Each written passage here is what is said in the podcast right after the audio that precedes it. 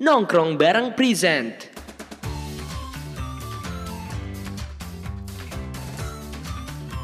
Ngobrol bareng alumni KMM ITB. Halo teman-teman masa KMM, kenalin aku Devita dari Manajemen 2023 yang bakal nemenin kalian di podcast Ngobrol, Ngobrol bareng alumni KMM ITB. Episode di awal tahun 2022 yang cerah ini kita kedatangan narasumber yang pastinya udah familiar banget nih Khususnya untuk kita-kita yang anak manajemen 2023 ya Karena kakak yang satu ini udah eksis banget, eksis pol Sebab beliau sempat jadi tutor di kelas Performance Art dan juga LMP di semester 1 dan 2 kemarin. Dan terlebih nih, kakak cantik hari ini juga dikenal akan pencapaiannya yang luar biasa banget. Oke, tanpa berlama-lama lagi bakal kita reveal ya siapa narasumber hari ini. Hari ini kita bakal ngobrol-ngobrol sama Kak Fioni Giovanni terkait betapa pentingnya kita excelling di satu fundamental thing yang pastinya teman-teman semua udah nggak asing lagi sih, yaitu self-development. Nah, dengar-dengar ya, Kak Fio ini udah terkenal banget dengan perkembangan karirnya selama kuliah. Jujur aku jadi penasaran banget sih Kak, pengen belajar lebih juga.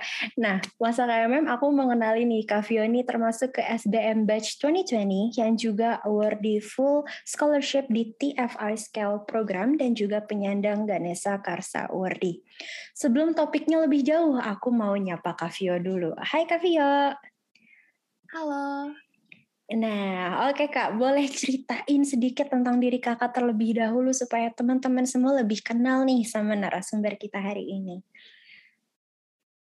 Oke, okay, sebelumnya thank you ya Devita dan KMM yang udah ngundang aku. Aku excited banget buat podcast ini. Kenalin lagi, nama aku Fioni Giovanni. Biasa dikenal dengan panggilan Pio. Aku dulu manajemen angkatan 2020, konsentrasinya di inovasi dan teknologi. Oh, iya iya Kak. Mm -hmm. uh, terus uh, mm -hmm. Kak, uh, masih terdengar kan suaranya? Masih, masih. Oke, uh, sekarang gimana nih kak? Kakak ada kesibukan apa nih kalau saat ini? Untuk sekarang aku kesibukannya lagi nyiapin S2 ke US. Aku rencananya mau belajar lebih lagi tentang entrepreneurship. Dan untuk sekarang aku lagi nggak kerja full time sih soalnya kemarin mau fokus untuk persiapan beasiswa dan puji syukur kemarin baru dapat beasiswa LPDP jadi tinggal universitasnya aja. Mohon doanya ya teman-teman. Oh iya. Alhamdulillah. Tuh guys. Kita belum apa-apa juga. Udah kayak wow amazed ya guys. Gimana kayak di kampus apa kok kalau boleh tahu di Amerikanya? Untuk Amerika sebenarnya aku masih nyari-nyari lagi yang paling cocok buat aku. Ada beberapa list sih salah satunya itu Babson. Dia terkenal banget sama entrepreneurship-nya. Aku juga pengen banget sih sekolah di situ kalau keterima. Aminin dulu lah ya. Amin amin amin. Pasti keterima sih kak kalau feeling aku ya Amin. Nah oke, okay. uh, eh, aku juga kenal Kavio tuh dari awal sih kak. Sebenarnya dulu aku nggak diajar Kavio ya di mm-hmm. performance art sama di LMP. Tapi uh, aku tuh tahu Kavio dari awal sebelum masuk SBM sih kak. Jadi aku udah lihat-lihat SBM di YouTube. Nah ada YouTube-nya Kavio nih kebetulan. Oh, iya. yeah. Jadi oh oke. Okay. Oh. Jadi uh, brandingan SBM ke bawah sama Kavio juga sih Kak gitu ya dari awal. Oh, nah, iya. Thank you udah nonton. Alhamdulillah Kak, aku jadi terbukakan uh, pikirannya gitu ya soal SBM. Syukurlah. Nah, kakak ini uh, aku lihat-lihat dari YouTube, dari LinkedIn gitu ya. Kak, aku sempat nyapoin LinkedIn kakak nih, jujur. Uh, kakak ini benar-benar uh, self development banget ya kak ya kayaknya kakak tuh hmm. bener uh, suka banget sama mengembangkan diri kakak kan kakak suka cerita gitu ya dulu kakak seperti apa gitu ya kak boleh ceritain ya. kak tentang asal mula kakak gitu tertarik banget sama self development ini kak Oke, okay, ini sebenarnya perjalanan yang cukup panjang. Oh, iya, kak. Apa apa kak? Kalau kita lihat dari perjalanan aku awal banget itu dari aku SD jadi SD SMP aku tuh tipikal anak yang kurang banget di akademis jadi tiap tahun itu hampir nggak naik kelas aku itu anugerah aku naik kelas tiap tahunnya jadi kalau misalnya udah mendekati akhir semester nih mau naik kelas. Kalau guru ngomong di sini ada yang nggak naik kelas, teman-teman tuh auto lihat ke arah aku, saking terkenalnya aku dengan rapotku yang jelek itu. Oh iya ya. Ah, mana tuh kak? Ya awalnya kan gitu. Terus waktu SMA aku di IPS, aku punya impian nih mau masuk ITB. Nah, di situ aku cukup terkejut karena semua orang tuh bukannya mensupport malah mencemooh aku gitu. Kayak ah serius? Dia nih mau masuk ITB kok nggak tahu diri banget nilainya kayak gitu. Lali lili oh banyak banget cercaan yang aku terima. Soalnya kalau orang nanya aku mau kuliah di mana? Aku selalu ngomong ITB Hmm. Dan aku nggak daftar cadangan di swasta juga waktu itu. Hmm, dan kan ada namanya SNMPTN tuh lewat jalur rapot. Mm-mm, betul. Aku ikut SNMPTN aja nggak bisa. Aku ditolak. Berarti aku 50% terbawah di sekolah kan.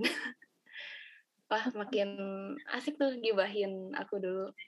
Terus ya karena satu-satunya jalan buat masuk ITB itu cuma SBMPTN ya udah aku kejar mati-matian di situ. Aku nggak peduli orang ngomong apa aku juga down sih ya down lah kalau lihat kandidat yang mau masuk ITB itu kayak gimana tapi aku tetap ulet aja belajar sampai tengah malam tiap hari dan puji syukur waktu itu aku jadi satu-satunya anak IPS di SMA aku yang lolos ke ITB. Wah, keren banget kak. Itu beneran pukulan telak ya kak ya untuk semua yang mencemooh gitu ya kak ya? Betul, aku tuh apa ya pesan yang aku dapet tuh aku bisa buktiin gitu kalau sebenarnya keuletan tuh bisa mengalahkan keterbatasan atau kepintaran. Iya betul kak. Mm-mm, Mhm. mm-mm. Dan eh, yang aku lihat kakak kan dari awal udah kalau mau ditanya mau kuliah di mana ITB gitu ya kayak nggak ada univ lain yang disebutin gitu. Itu tuh udah Iya. mengsugesti berarti ya kayak. Iya betul. Nah, kakak tuh kayak eh, gitu jadi mulai tersugesti tersugesti dan apakah kakak langsung percaya sama sugesti kakak atau kayak ada doubting myself gitu kayak gitu kak kayak oh sempat down gitu kak. Ya down dan khawatir itu wajar banget sih. Aku saking stresnya dulu eh, dua minggu sebelum SBMPTN aku sempat muntah darah dan kata dokter lambungku lecet gitu karena aku terlalu stres sama makan gak benar. Tapi ya balik lagi, aku kan masih manusia, jadi itu perasaan yang manusiawi. Cuma yang penting itu atur fokusnya sih untuk apa yang dikejar.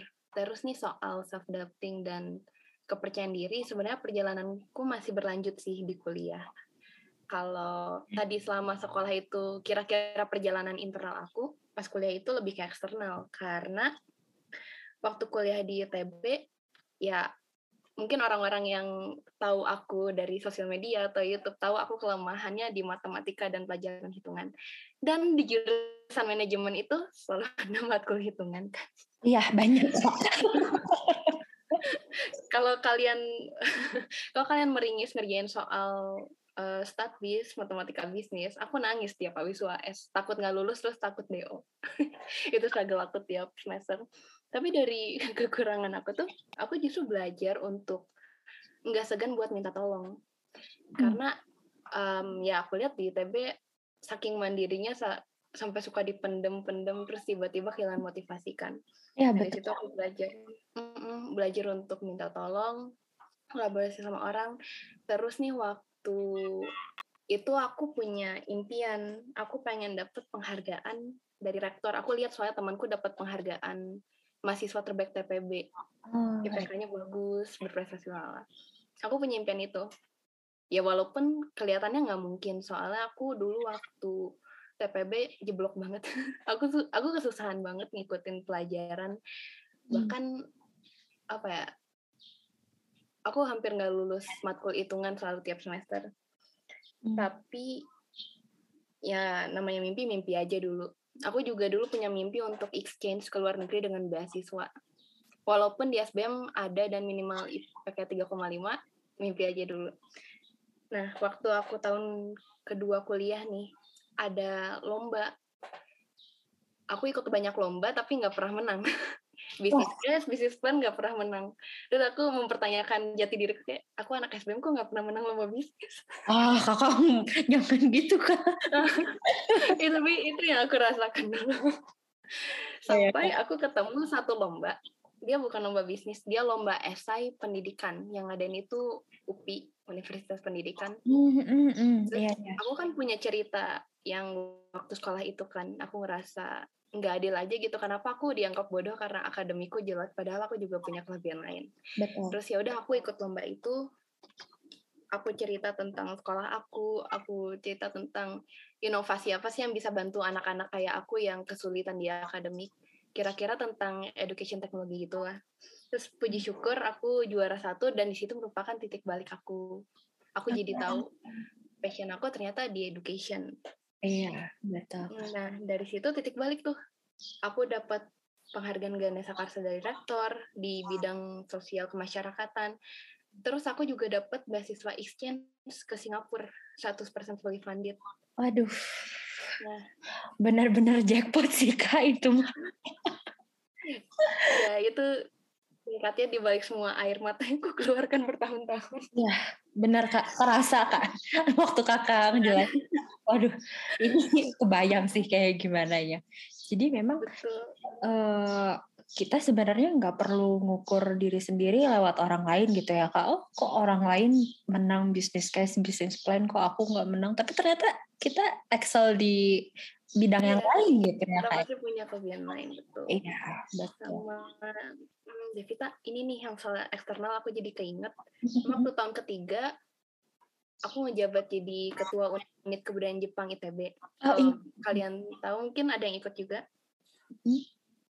Tahu gak ada unit kebudayaan Jepang Ada ITB? tahu kak, tahu kak. Dan aku sempat ngepoin di LinkedIn juga sih kak. Oh iya, jadi presiden.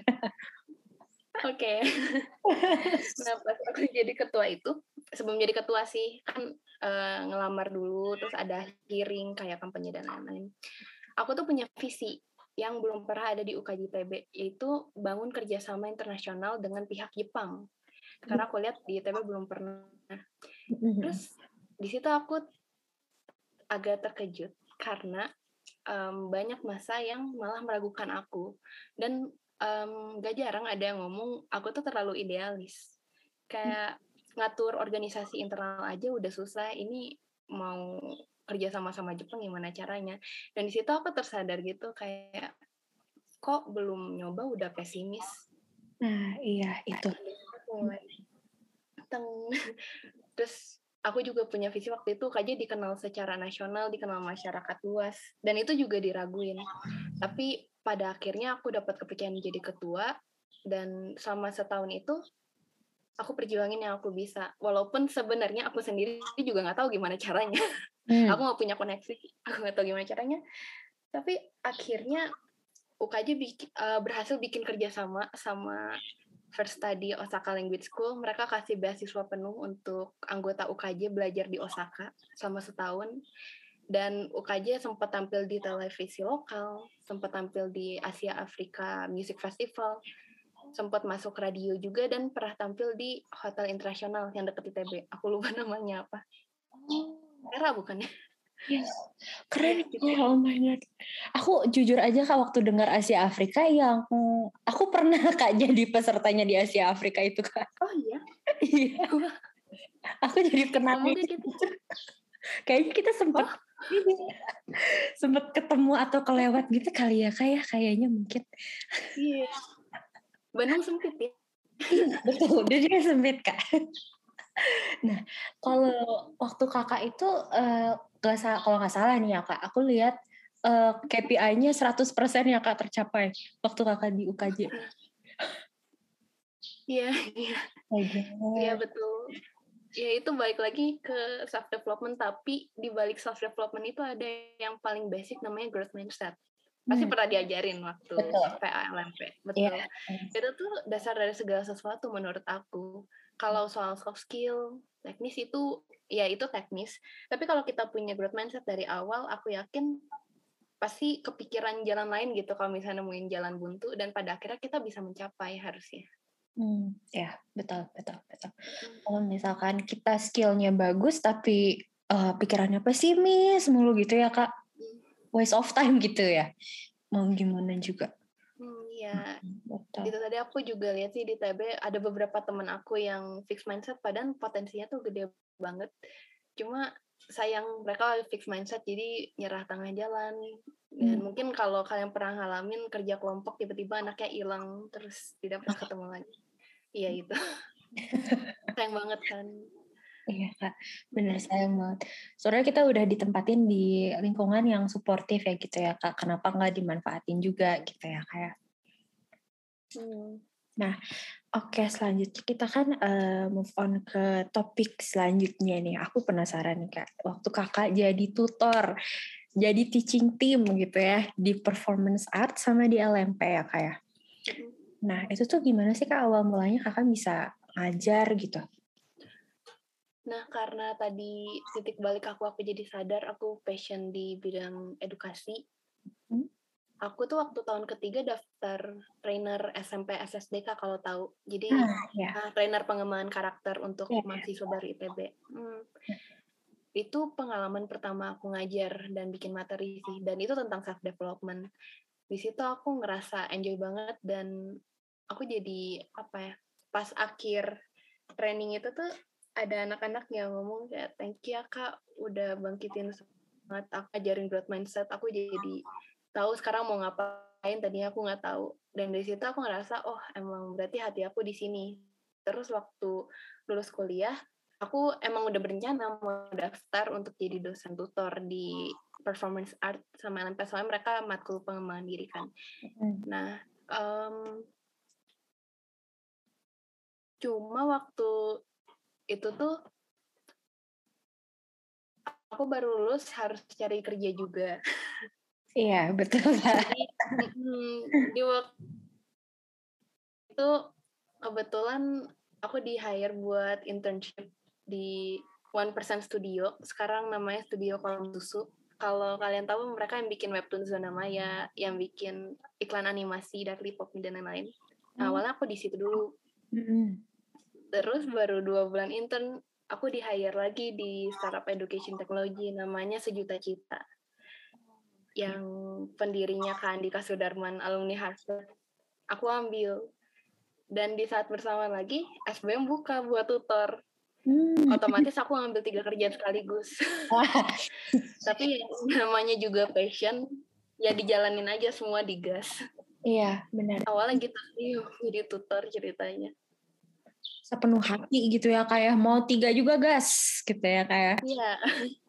Dan beruntung juga sih karena ini working from home ya jadi bisa sekalian gitu. Kalau online eh kalau offline nggak tahu deh harus cloning deh. Nah iya benar benar Mana sejuta cita mungkin di mana kolam susu di mana gitu ya kayak. Iya. Eh, kalau misalkan aku penasaran sih kak kalau mau jadi tutor gitu itu tuh emang eh, disarankan dari anak SBM lagi dari alumni SBM atau boleh dari luar gitu kak? Kalau dulu itu aturannya untuk S1 alumni SBM bisa daftar. Tapi untuk sekarang minimal lulusan S2 makanya aku udah nggak ngajar. Aku kemarin beruntung banget sih jadi angkatan terakhir alumni S1 yang bisa ngajar jadi tutor. Oh ya ya ya ya. Pantes yang eh, Kak Girin ya kayak bareng Kak Girin, Iya. kayak Ana gitu. Iya aku jarang Ada Mm, jarang mendengar mereka lagi sih gitu kak. Oh, oh, benar. Kalau misalkan ini Iya, kak, aku belum S2 soalnya. iya. Eh, waktu kakak eh, mengajar gitu tuh di PA dan LMP, apa sih kayak ada kesulitan-kesulitan yang kakak eh, overcome waktu itu yang eh, besar-besar misalkan, aduh ini anak-anaknya eh, rada susah diatur gitu, rada susah me- mengencourage mereka untuk aktif di kelas gitu misalkan kak, atau kayak gimana? Bersyukur banget anak-anakku di PA dan LMP baik semua. Oh, alhamdulillah. Tapi emang sih, aku kan baru pertama ngajar. Apalagi ini langsung online kan. Mm-mm. Kebingungan pasti ada sih. Pengalaman pertama jadi tutor. Terus iya sih awal-awal banyak banget yang pasif. Soalnya di Zoom kan kadang ada masalah sinyal. Terus mungkin dari kitanya juga putus-putus. Mm. Tapi apa ya? Menurut aku kesulitan uh, atau sesuatu yang besar itu lebih ke aku rada kaget loh performance art kita ada project talent show ya di akhir. Mm-mm. Nah, uh, kebanyakan dari anak aku tuh nggak tahu apa passionnya mereka, apa kelebihan dan ragu sendiri sama bakatnya. Nah dari justru tapi justru dari situ aku terinspirasi gitu kayak oh oke berarti misi aku di semester ini aku mau ngembangin anak-anak ini biar tahu apa passion mereka dan bisa ngembangin sepenuh hati. Hmm. Karena aku yakin kuliah itu bukan cuma masalah ilmunya tapi kuliah itu merupakan masa di mana kita mencari jati diri kan. Mm-mm. Yang di mana itu bakal kepake banget nanti di dunia kerja. Eh, yang pentingnya adalah nanemin gimana kita ngelihat masalah, overcome problem, terus udah gitu sebenarnya apa value di dalam diri kita gitu ya kak biar nggak gampang diinjak-injak orang lain juga gitu ya.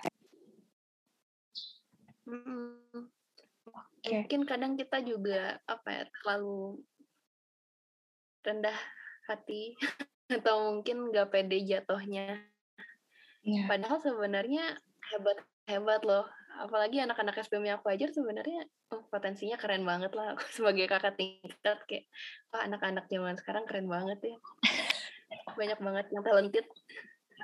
Nah ini note kakak eh, apa kakak-kakak anak 23 nih yang denger podcast episode ini.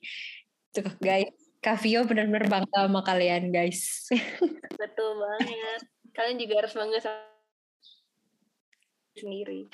Nah, betul. Itu yang paling paling. Nah, oke, lanjut ya kak. Gimana sih kak eh, kita nge-trigger passion kita? Misalkan ada passion terpendam. Misalkan passion aku memasak sebenarnya gitu ya. Tapi aku nggak tahu kak sebenarnya aku passionnya itu karena aku nggak pernah coba ya. Gimana tuh kak? Iya benar tadi yang Davita bilang kita harus coba sih, explore, cobain banyak hal baru yang mungkin sebelumnya nggak kepikiran. Tapi coba aja mumpung masih muda, masih kuliah. Kalau aku waktu kuliah tuh sering dengar dosen aku ngomong, ini masa kuliah waktunya kalian banyak-banyakin salah biar nanti di dunia, di dunia kerja itu nggak salah. Soalnya sebagai mahasiswa kalau kita salah tuh masih dimaklumin. Cuma kalau di dunia kerja tiada ampun. Iya. Nah, terus dengan coba banyak hal baru itu juga bakal dapat insight sih kita tahu sukanya di mana, ahlinya di mana. Aku juga dulu waktu nyobain lomba-lomba yang bisnis itu, aku akhirnya tahu kan aku kurang cocok. Terus pas aku dapat lomba esai, terus di lomba pendidikan, aku jadi tahu ternyata passion aku di situ. Itu yang pertama. Terus yang kedua itu oh dari pengalaman aku belajar dari banyak orang kalau bisa punya mentor dan sebenarnya mentor ini nggak harus formal kayak kayak apa ya, mentorship mentorship itu tapi kenalan aja sama orang yang kita anggap public figure buat diri kita. Kayak sekarang aku lagi mau persiapan S2 ke US kan. Aku kenalan sama anak-anak uh, universitas US yang aku anggap public figure dan beberapa dari mereka respon terus sekarang temenan sama aku. Walaupun teman tapi rasa mentor soalnya aku belajar banyak gitu dari mereka. Dan kenapa kita butuh mentor? Karena mentor itu udah lebih pengalaman daripada kita mereka punya insight yang lebih baik dari kita juga. Terus kalau kita nggak tahu mungkin aja mereka tahu sehingga kita juga ketularan gitu insight-insightnya. Betul banget. Kalau misalkan mentor di kita nih sebagai mahasiswa gitu ya kayak kita mendingan teman sebaya kah? Atau uh, kita lebih menerima saran dari yang lebih tua atau kayak gimana kak baiknya? Hmm. mentor sebenarnya bisa siapa aja bahkan yang lebih muda juga bisa loh kalau ahli di bidangnya paling ya sih kita lihat aja apakah mereka ahli di bidang itu atau banyak pengalaman terus ya belajar aja dari mereka gitu terlepas lebih tua lebih muda. Karena ya menurut aku tua itu pasti tapi dewasa itu pilihan. Nah, itu dia. Itu dia kamu Iya. Nah, kalau misalkan ngomongin passion nih kayak kalau eh, di karir-karir zaman sekarang gitu ya di dunia karir kira-kira apa sih passion yang paling diminta sama suatu perusahaan yang lebih yang passion passion lebih berguna gitu kira-kira Passion yang paling dicari dan berguna ya. ya Sebenarnya jawabannya relatif seperti bisnis. Wah. anyway, memang relatif karena balik lagi bidangnya tuh beda-beda. Makanya menurut aku self awareness tuh penting banget sih supaya kita tahu sebenarnya passion kita tuh di mana sih. Dengan tahu passion kita di mana, harusnya lebih cocok kan kalau di bidang itu. Dan insight-nya pun pasti beda-beda tiap bidang. Nah, kalau udah ketemu bidangnya di mana, contohnya aku di education, itu baru di breakdown skill apa aja sih yang dibutuhin. Oh, aku harus bisa communication skill, aku harus punya skill untuk develop materi dan lain-lain.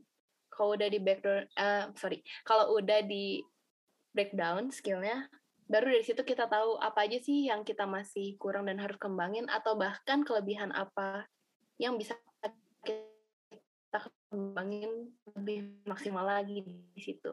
Hmm, Iya. Kalau misalkan eh misalkan aku nih ya Kak personally aku misalkan pengen kerja di FMCG gitu. Misalkan di perusahaan-perusahaan. Lebih Mhm. baiknya aku eh ngembanginnya apa tuh Kak? Skillnya misalkan. Keren nih Devi udah tahu mau ke FMG. FM. udah mau ke MF.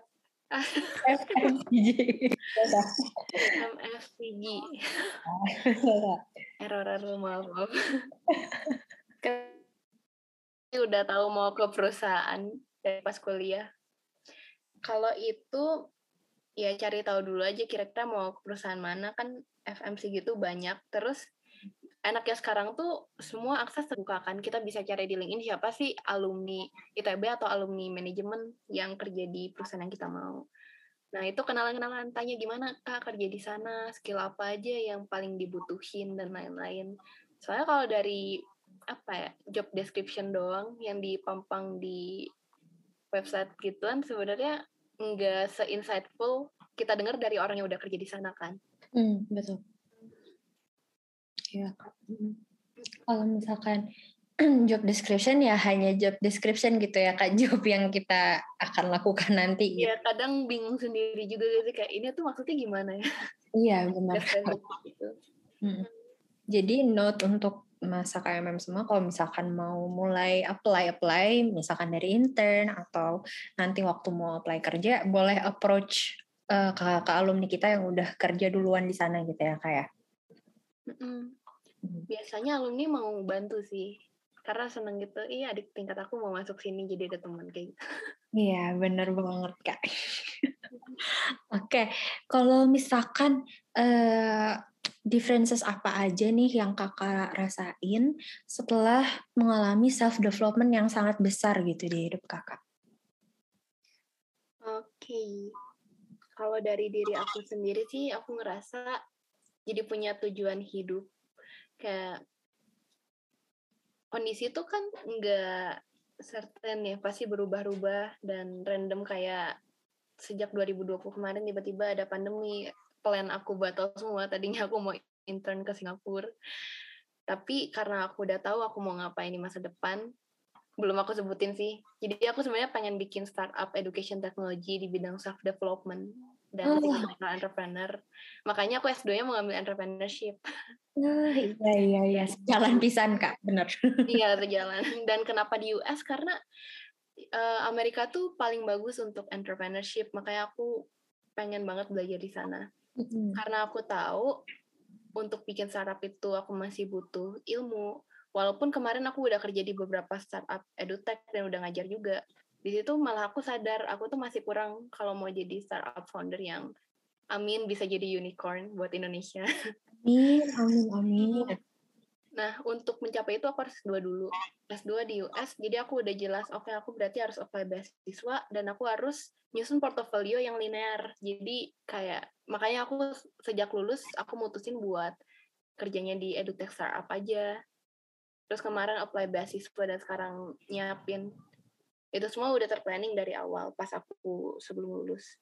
Itu yang, yang tujuan hidup. terus yang kedua aku juga ngerasa bisa jadi berkat bagi banyak orang dan bantu orang-orang yang seperti aku dulu yang lost terus yang dianggap orang nggak bisa ngapa-ngapain kalau lihat aku waktu sekolah dulu percaya deh orang-orang tuh ngelihat aku kayak hopeless ini orang kayaknya nggak punya masa depan deh tapi ya kita kan nggak tahu di masa depan orang tuh bisa jadi apa. Betul. Dan aku ngelihat banyak anak muda yang udah patah semangat duluan karena labeling dari eksternal itu yang nganggap kita nggak mampu dan lain-lain padahal sebenarnya kita mampu. Makanya aku bikin YouTube channel aku share cerita aku dan harapannya aku bisa kontribusi dan ngerit lebih banyak orang lagi lewat startup yang nanti aku diriin betul mulia sekali ya teman-teman Kavio ini aku udah kayak wow benar-benar tujuan hidupnya tuh untuk uh, orang banyak gitu ya kayak semoga Kavio masuk surga ya guys Ya ampun. semoga semua Iya. cerita tercapai lagi. amin amin amin Eh, kalau misalkan kayak startup eh, education dan self development ini memang terhitung baru juga ya kak di Indo. Aku belum pernah lihat gitu kalau yang dibarengin sama self development ya? Kayak Mm, kalau self development sebenarnya udah mulai ada ya kayak satu persen terus sejuta cita. Cuma startup aku ini belum pernah ada di Indonesia karena dia mau ngembangin growth mindset. Karena pengalaman pribadi aku tadi sebenarnya akar masalah generasi muda tuh di growth mindsetnya itu loh. Kadang kita udah terkotak-kotaki duluan sama keterbatasan. Kalau kita punya growth mindset, harusnya kita bisa melampaui keterbatasan itu dan ya quote ada seribu jalan menuju Roma itu sebenarnya benar. Iya betul kak gimana kita ngakalinnya sama ya percaya aja sebenarnya nggak ada yang impossible juga ya kak buat dicapai gitu. Apalagi sekarang kayak ah udah semuanya tersedia gitu. Mau kayak gimana juga kita memang eh, memang sudah seharusnya ngedevelop diri sendiri untuk banyak orang gitu. Kayak Kavio ini nih balik lagi. Hmm, ya ampun. Dan, dan balik lagi ke SBM kita kan eh, diajarin terutama waktu leadership and management practice tuh. Semua hal semua talent kita tuh bisa jadi bisnis. Dan emang benar gitu kalau mungkin zaman dulu ya eh, dulu kan aku kebetulan suka gambar juga aku suka art musik. Mungkin orang bilang eh, kalau kuliah musik atau jadi pemusik jadi apa di masa depan? Kalau pelukis jadi apa? Padahal bisa loh kita bikin studio kita bisa bikin startup bahkan dan itu juga Spotify musik kan? Spotify betul. musik. Yukon susu art. Banyak sebenarnya. Tapi mungkin orang nggak kepikiran aja karena masih punya fixed mindset yang tinggi itu dan jangan lupa harus tetap kreatif gitu ya kayak mau lihat sebuah opportunity. Ya betul banget. Nah kan kita ngomongin fixed mindset yang mana jadi weaknesses nih untuk eh, anak-anak zaman sekarang gitu ya sebenarnya gimana sih kak caranya untuk lebih menerima diri sendiri? Towards weaknesses ini pertanyaannya berat. Ya. betul kak. Ini juga ini kayaknya struggle seumur hidup sih ya aku juga masih belajar. Hmm. tapi mm, cara yang aku lakuin selama ini ya at least buat ngurangin. Itu yang pertama jangan fokus ke weaknessesnya kita karena kita sebagai manusia pasti punya kelemahan kelebihan. Nggak mungkin kelebihan semua itu Tuhan sih. Terus eh, fokus aja gitu kembangin strength kita. Ini aku keinget kata-kata wali kelas aku waktu les SBMPTN jadi di tempat les aku tuh ada wali kelas gitu. Dulu kan zaman aku SBMPTN-nya kalau bener poinnya plus 4 kalau salah poinnya minus satu oh iya ya Nah, ya matematika aku suka minus nilainya by the way waktu tryout. Wah, apa kak ya kalau nggak minus nol. Terus eh, wali kelas aku ngomong gini, kamu jangan fokus di kelemahan matematika ini. Ini kembangin aja sampai at least dapat 4 atau 8 poin nggak apa-apa. Tapi yang kamu bagus kayak sejarah, sosiologi dan lain-lain itu kamu maksimalin bener semua. Itu aku ingat banget sampai sekarang karena emang related itu dalam apa ya apa pun kita kembangin aja strength kita supaya kita menonjol dari orang lain karena kalau kita fokus ke kelemahan doang gak ngembangin kelebihan kita sendiri itu kita bakal jadi rata-rata aja soalnya kalau kita lihat orang-orang yang outstanding mereka itu bisa kelebihannya kayak gitu karena dikembangin kan Iya, betul. Kak. Terus ya yang kedua, aku berusaha membiasakan diri kayak bilang it's okay kalau misalnya aku kelemahannya kumat atau melakukan kesalahan. Aku berusaha it's okay. Aku belajar A B C, jangan diulangin lagi dan aku jadiin sebagai proses pembelajaran aja sih kalau misalnya aku gagal karena kelemahan aku untuk jadi lebih baik lagi ke depannya. Hmm. Iya kan.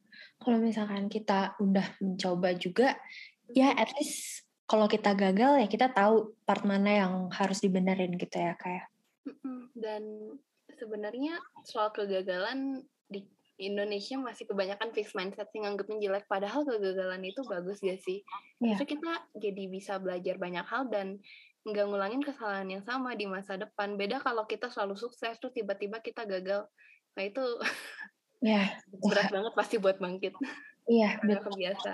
Heeh. Mm. Kalau misalkan udah udah wah udah terlalu tinggi terus gagal, wah kayaknya kayak jatuh gitu ya kayak senjata apa. Jadi ya mulai dari sekarang biasakan untuk eh, nggak apa-apa untuk gagal dan salah gitu ya Kak. Betul. Betul. Nah, kalau misalkan eh, menurut kakak nih ya, kiat-kiat apa yang dibutuhin untuk kita lebih gimana ya, lebih yakin sama dream job kita gitu. Lebih yakin, oh ya aku mau ke sini. Kadang aku juga masih kayak gambling sih, kayak ini sebenarnya aku Oh. mau ke sini gitu. Mhm. Biar yakin sama tim job kita. Mm-mm.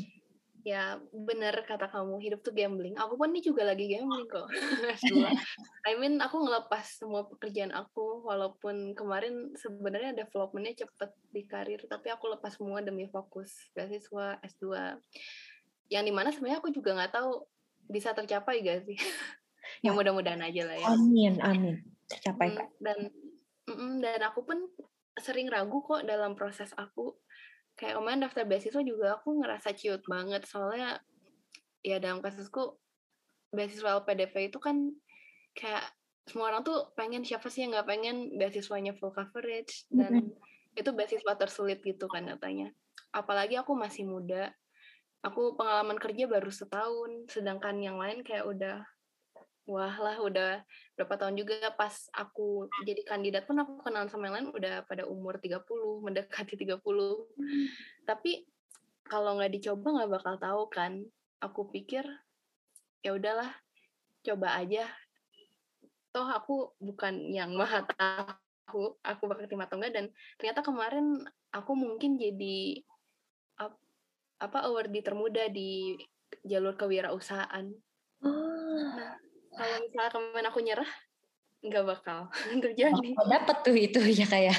Mm-mm. Jadi saran aku ya coba aja gitu. Kalau misalnya ragu karena takut, apalagi coba aja karena kita nggak tahu kita sebenarnya bisa atau enggak. Kalaupun gagal itu bukan akhir kan, justru jadi pembelajaran buat kita. Terus em, yang kedua ini sebenarnya basic sering denger nih pasti jangan bandingin sama orang lain. Iya, Ngomongnya sih gampang ya, pas prakteknya banget. betul. Apalagi kalau udah lulus kuliah tuh Ah. kayak semua tuh berpencar tiba-tiba mereka ada yang jadi ini jadi itu Hmm. Oh, berat banget tuntutannya kayak aku udah lulus dari SMI tapi masa aku belum jadi apa itu sering banget terjadi tapi balik lagi jalan hidup orang tuh nggak ada yang sama dan apa yang kita pikir nggak berguna atau nggak berharga buat kita malah ternyata bisa berdampak banyak loh buat orang dan itu salah satu cara aku ngatasin insecure aku juga sih. Aku berusaha reflect lagi dampak apa sih yang aku buat dan ke depannya aku bisa bikin apa lagi nih. Karena balik lagi value tiap orang juga beda-beda. Mungkin ada yang tujuan hidupnya untuk mencari cuan tapi ada yang tujuan hidupnya mau jadi pembelajar juga atau jadi profesor dosen. Ada juga mau jadi entrepreneur dan lain-lain. Itu nggak pernah bisa dibandingin satu sama lain Iya, Kak. betul. jadi jalan aja dan ya itu aja sih ya kayak Dan uh, sebenarnya jangan ngebandingin sama orang lain ya kak. Sebenarnya bandingin sama diri kita di hari kemarin gitu ya kayak kita di masa dulu gitu. Mm-mm. ya sebenarnya terbesar tuh bener diri sendiri. Ini juga pelajaran yang aku petik dari beasiswa kemarin. Um, Pak Dwi Larso, wah dosen tercinta SPM kita yang jadi direktur OPDP. Aku dengar beliau ngomong, uh, kalian jangan banding-bandingin diri kalian sama kandidat lain karena saingan terbesar tuh ada diri kita sendiri. Dan aku rasain itu sama seleksi LPDP. I mean, uh, itu kan ada ujian tes skolastik tuh. Uh, matematika, mantap. Soal-soal TPS, matematika, dan Hamin dua ujian, itu tuh ujiannya susah banget. Eh, teh, itu tuh ujiannya susah banget. Banyak yang gugur di situ. Even temen-temenku pada gugur di gelombang sebelumnya. Dua hari sebelum ujian aku nangis, ketakutan. Dan aku jadi sadar, yang bikin nangis tuh siapa? Aku, diri aku sendiri. yang aku takutin, diri aku juga.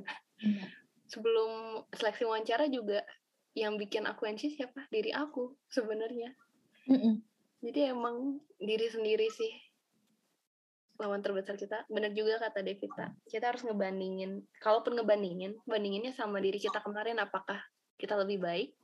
Dan walaupun itu cuma satu persen, tapi kalau dilakuin konsisten tiap hari itu lama-lama juga bakal jadi 100%. Jadi ya go aja sih. Ya, betul. Tuh guys, diinget-inget ya, diinget-inget nih yang Kavio omongin di sini sekarang.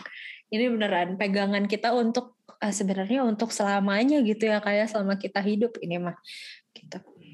Uh, Oke, okay, lanjut nih kak. Sebenarnya kakak ada pesan tersendiri nggak nih untuk uh, teman-teman KMM ITB yang lagi dengerin?